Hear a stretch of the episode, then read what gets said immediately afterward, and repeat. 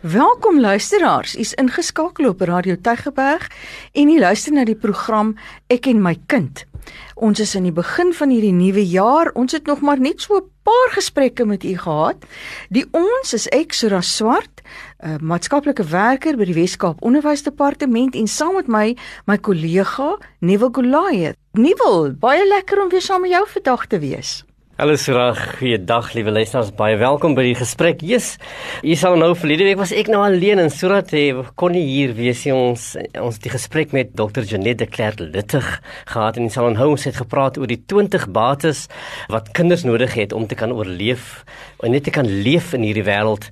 So dit was 'n baie uiters goeie gesprek en u word daarop aangraai as u graag die gesprek wil hê, u kan dit aflaai as 'n potgooi op die uh, webtuiste van Radio Tygerberg. Maar welkom terug. Ons sit hier hierdie belangrike gesprek voort met 'n baie belangrike man wat baie uh, kennis op hierdie gebied het, maar ook baie navorsing gedoen het in hierdie veld. En ons en ons gaan nou vir u sê wat daardie belangrike veld is. Baie welkom aan Dr. Johan Burger. Hy is 'n opvoedkundige verbonde aan die WKOD en hy is werksaam binne en die direkteur van daai distrik sal sê die beste ene, die Kaapse Wynland Onderwysdistrik. Hy is veral gemoeid en dit neem 'n groot deel van sy tyd in beslag, die koördinering van die transformeer om te presteer projek en u wat gereeld na ons program luister, u weet ons het al baie gesprekke hier hieroor gehad oor die waardes in onderwys, oor die funksionele skole. Ons het meneer Brian Skreder, die SG gehad wat al met u gedeel het sy hele visie in terme van hierdie projek.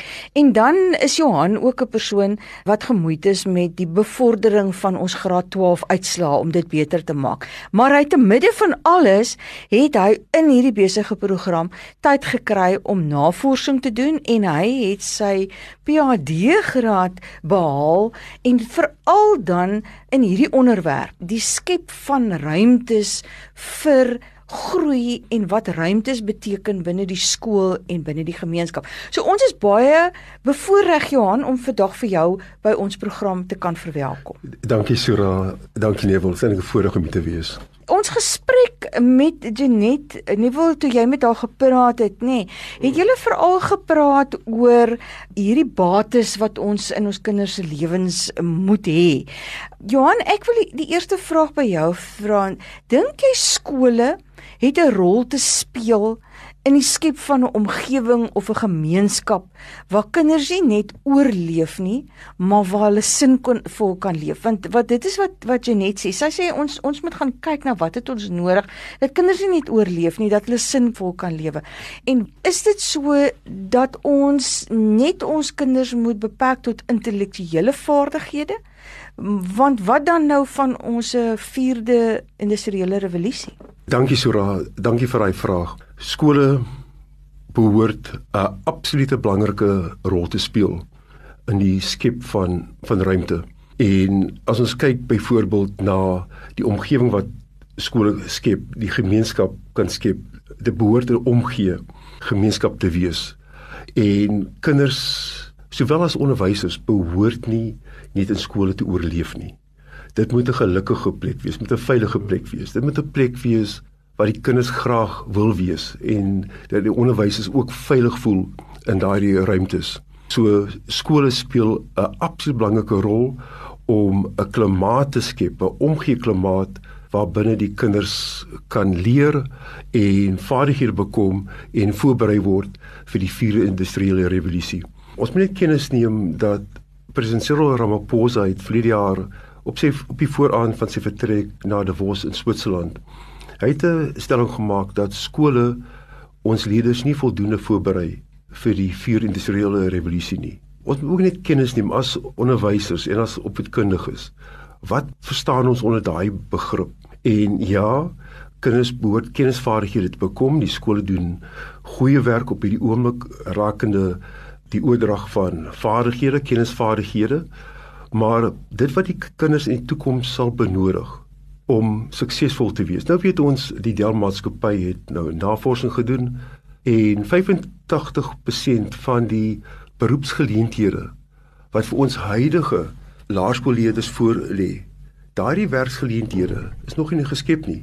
En dis die, die skole bewus wees daarvan dat wanneer hulle die kinders sogenaamd voorberei, soos ek net nog gesê nie net kennisvaardighede nie, dat hulle die vermoë skep, 'n atmosfeer skep, 'n skoolruimte skep waar binne die die leerders analities, lateraal en kreatief kan dink, sodat wanneer hulle die skool eendag verlaat, dat hulle 'n noemenswaardige bydrae tot hulle werksomgewing kan maak en dat hulle voorbereid kan wees om kompeterende wêreldburgers te wees.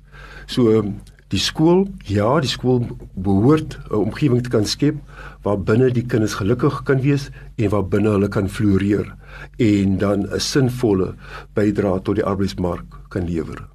Weet jy Johan, dit wil nou daar sê dit is so belangrik. Ons het nog baie gesprekke gehad juis oor hoe lyk so ruimte en en dink skole word gekonfronteer met met 'n klompie uitdagings want want want want uh, om, om die ruimte gerad te kry om die intellektuele vaardighede oor te kan dra, maar ook uh, met die hele vierde industriële revolusie is is, 'n konsep wat wat, wat waarmee skole eintlik sukkel want want daar is uh, baie fisiese fasette waarmee skole sukkel. Maar as ek jou artikel lees in in en ek wil graag hê die luisteraars moet dit tog maar lees, dan dan praat jy van ruimte as 'n konsep, maar maar hierdie konsep van ruimte is baie meer gekompliseerd as net 'n uh, klaskamer as 'n ruimte of 'n 'n parkie of 'n speelgrond by 'n skool. Wat word bedoel met ruimte? Dankie Neville. Die navorsing wat Henry Lefebvre gedoen het, dit is 'n Franse ruimtelike teoretikus. Hy het na navorsing gekyk en gesê ruimte bestaan uit 4 dimensies. En die eerste dimensie is die fisiese dimensie of oftewel physical space. En wanneer jy die fisiese ruimte verander, verander jy die denke, gedrag en die gemoedstoestand van die bruik die gebruikers van 'n ruimte. So dit is een hmm. dimensie. Die ander dimensie is die voorgestelde dimensie wat in Engels is the mental space. So dit is hy ruimte wat die kind betree en wat na die kind se met die sin, kind se sintuie praat. Dit is die ruimte wat die kind inspireer, motiveer. En die derde dimensie is die sosiale ruimte. Mm. En die sosiale ruimte behoort die die leier of die gebruiker daarvan se emosionele en sosiale behoeftes aan te spreek, maar om ruimte funksioneel te maak, eh, moet al drie dimensies te gelykertyd betrokke wees. En wanneer daai drie dimensies bymekaar is, vind daar ruimteskepping plaas. Maar ruimte kan nie op sy eie geskep word nie. Ruimte moet in die, in 'n geval 'n skool, 'n omgee skool, ruimte word deur 'n skoolhoof geskep. Maar 'n skoolhoof moet ook bewus wees van die persone by die skool wat vir hom of haar kan bystaan. So 'n skoolhoof het die gedagtes van ruimteskepping, besef die belangrikheid van ruimte en dan benodig die skoolhoof deur middel van sy eie unieke leierskap styl en ek praat hier van 'n spesifieke leierskap om persone by mekaar te trek soos byvoorbeeld die bestuurspan of die beheerliggaam wat hy of sy gebruik dan om ruimte te kan skep. Johan, as jy dit sê want dit sluit nou baie aan ook wat Jenet sê dat skole moet daai ondersteuning aan ons leerders gee. En wat jy met ander woorde sê is ons skole moet ruimtes raak van ondersteuning vir ons kinders en dan waar hulle veral dan nou gaan kyk na hulle emosionele en hulle sosiale behoeftes. Maar maar jy soos jy op reg sê, dit kan nie alleen staan nie, nê. Dit moet uh, aan mekaar skakel. Maar op die ou einde is dit baie belangrik daai omgee skoolklimaat. Hoe dink jy wat in praktyk sou jy voorstel vir skole? Hoe kan hulle daai tipe van ruimte bewerkstellig? Wat sou die kenmerke van so 'n ruimte wees? Sura Neville, vir my is die sosiale en emosionele ruimtes wat by skole geskep word van kardinale belang. En die navorsing wat ek gedoen het, het ek opgetel dat nie alle skoolhoofde bewus is van die die potensiaal wat in ruimtes opgesluit lê aan die ander kant sukkel hulle om die potensiaal wat in ruimtes opgesluit lê in die besbelang van hul leerders en hul opvoeders te kan ontsluit. Hm. As ons nou kyk na die fisiese ruimte, wanneer kinders by 'n skool kom, die eerste ruimte wat hulle betree is die skool se terrein. En dit is nou die omheining, daar moet omheining wees. Die die, die terrein moet veilig wees. Daar moet toegangbeheer toegepas word by die hek, by die voorportaal. Mense behoort nie net in en uit te stap na 'n klaskamer toe nie. En wanneer 'n onderwyser die sosiale ruimte skep, soos byvoorbeeld ek nou net nou verwys na die fisiese ruimte. Dit is nou die die fisiese klaskamer. Maar binne daardie fisiese ruimte met die skepping van 'n sosiale of emosionele ruimte, is dit belangrik dat die opvoeders die verskeie stadie van ontwikkeling van die leerder in ag neem. Soos byvoorbeeld in die laer grade, graad R, doen die onderwysers skep hulle 'n dek in die klas waar die kinders kan opklouter of gaan sit as hulle wil, wil bietjie hulle eie tyd hê, 'n hm. uh, own me time. Hm. En dan kan hulle gaan sit en ontspan. In die ander grade, soos byvoorbeeld in die grondslagfase, dan is daar byvoorbeeld 'n leeshoekie wat hulle uh, daar tot stand gebring het. Maar dit is net meer, dit is meer as net 'n leeshoekie. Dis waar 'n kind kan gaan sit, baie keer lyk dit so raas soos 'n 'n sitkamer, klein stoeltjies, 'n koffietafel en boeke wat hulle daar uit, uitpak. En dit is ook pragtig vir vraai. En dan na die senior fase en en daarna behoort die skoolhoof en die bestuurspan en die beheerliggaam bewus te wees van wat het die kinders nodig? Wat behoort geskep te word om daardie behoeftes aan te spreek?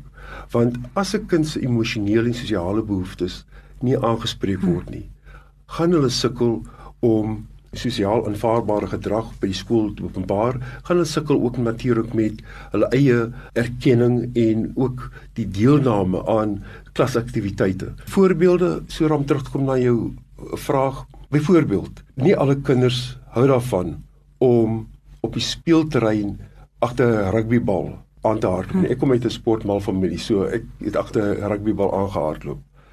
Daar's kinders wat 'n stil hoekie soek onder 'n boom. Byvoorbeeld, ek het by 'n skool gekom wat vir my net stunning was.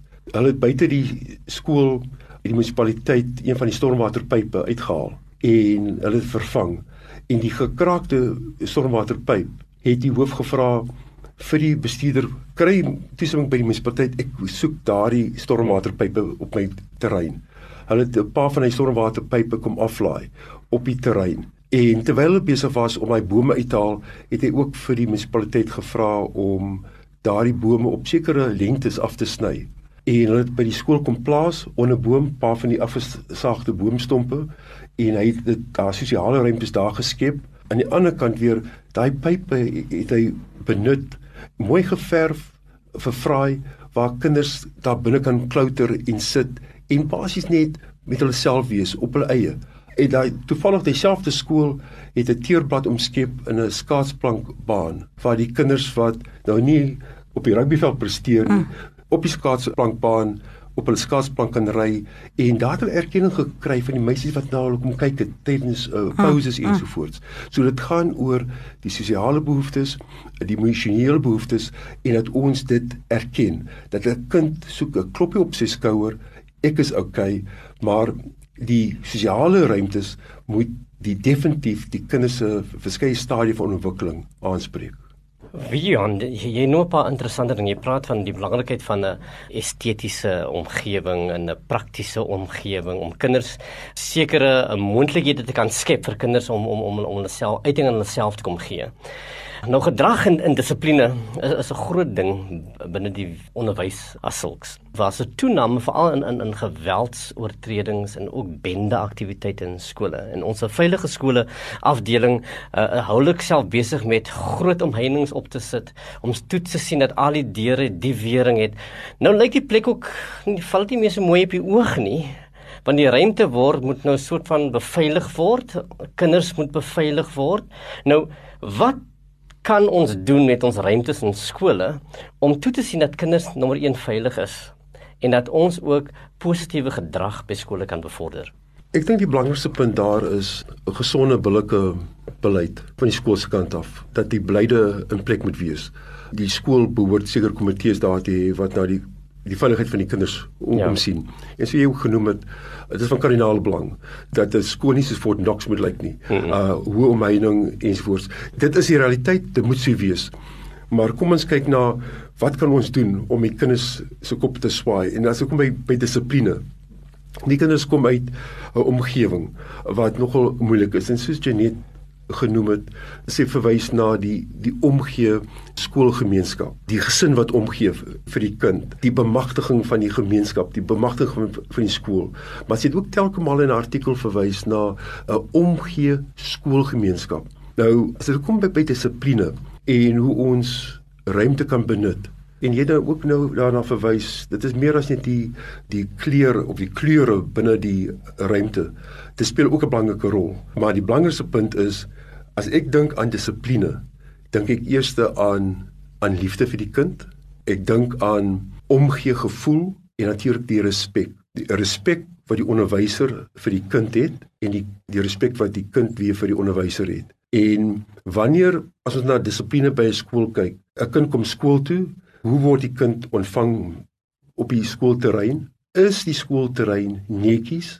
Is die papiere opgetel? So toe loop so daar, daar's 'n skool in Stellenbosch, baie bekend as seunskool. Daardie kinders, ek sien gereeld hoe hulle op hulle terrein 'n papiere optel, binne die terrein, buite die terrein. Maar as dit kom by dissipline by 'n skool, moet daar sekere verwagtinge wees en gevolge. Ons weet daarvan. Ek het net gepraat van die daar moet beleide wees en die kinders moet dien ooreenkomstig optree rakende daardie beleid. Maar myns insiens die skep van 'n leerruimte, dit is nou die klaskamer. Die onderwyser moet seker maak dat hy of sy daagliks betyds by die skool is, voorbereid is en moeite doen om 'n leerruimte te skep waar binne die kind graag wil wees. Dit beteken as 'n kind instap in daai leerruimte en die kind sien hierdie leerruimte praat met my. Hier word lewenswetenskappe onderrig en alles gekoppel wat relevant is aan daai betrokke vakgebied moet tentoongestel word binne daai ruimte. Of dit is 'n wiskunde klas, maar as die kind die klaskamer betree en is netjies en ordelik en die banke is so gerangskik. En ons weet daar's oorvol klaskamers ensovoorts. Maar nou praat ek van inisiatief en kreatiwiteit en en leierskap. Moet ons kyk na hoe kan ons daai ruimte so skep dat die onderwyser ordentlike sig het op die kinders in die klaskamer dat die banke so geposisioneer is dat daar wat wat eintlik beweging vergemaklik binne daai leerruimte of leeromgewing. Nou 'n leeromgewing of leerruimte is nie noodwendig nevel binne 4 mure nie. Ek het al pragtige leeromgewings gesien buite op 'n paviljoen onder 'n boom ensovoorts. Maar daar moet 'n strategie wees van die onderwysers se kant af. Weereens onderwysers weet van die skep van leerruimte Sora rakende GGBS 'n jaarlikse appraisal, die skep prestasiestandaard hmm. 1, die skep van 'n leerruimte wat leeronderrig bevorder. Maar dit is meer as net dit. Dit is om die kind te inspireer, te motiveer om na sy gedrag te kyk.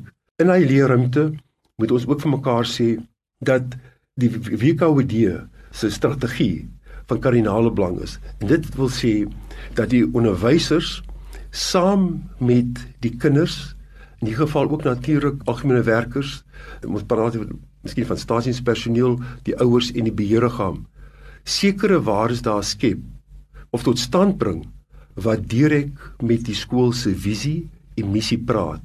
Die oomblik as dit met die visie missie praat en almal het 'n goeie begrip van soos ek nou gepraat het van respek en hoe om op te tree en wat verwag ons van die waarde byvoorbeeld respek of omgee.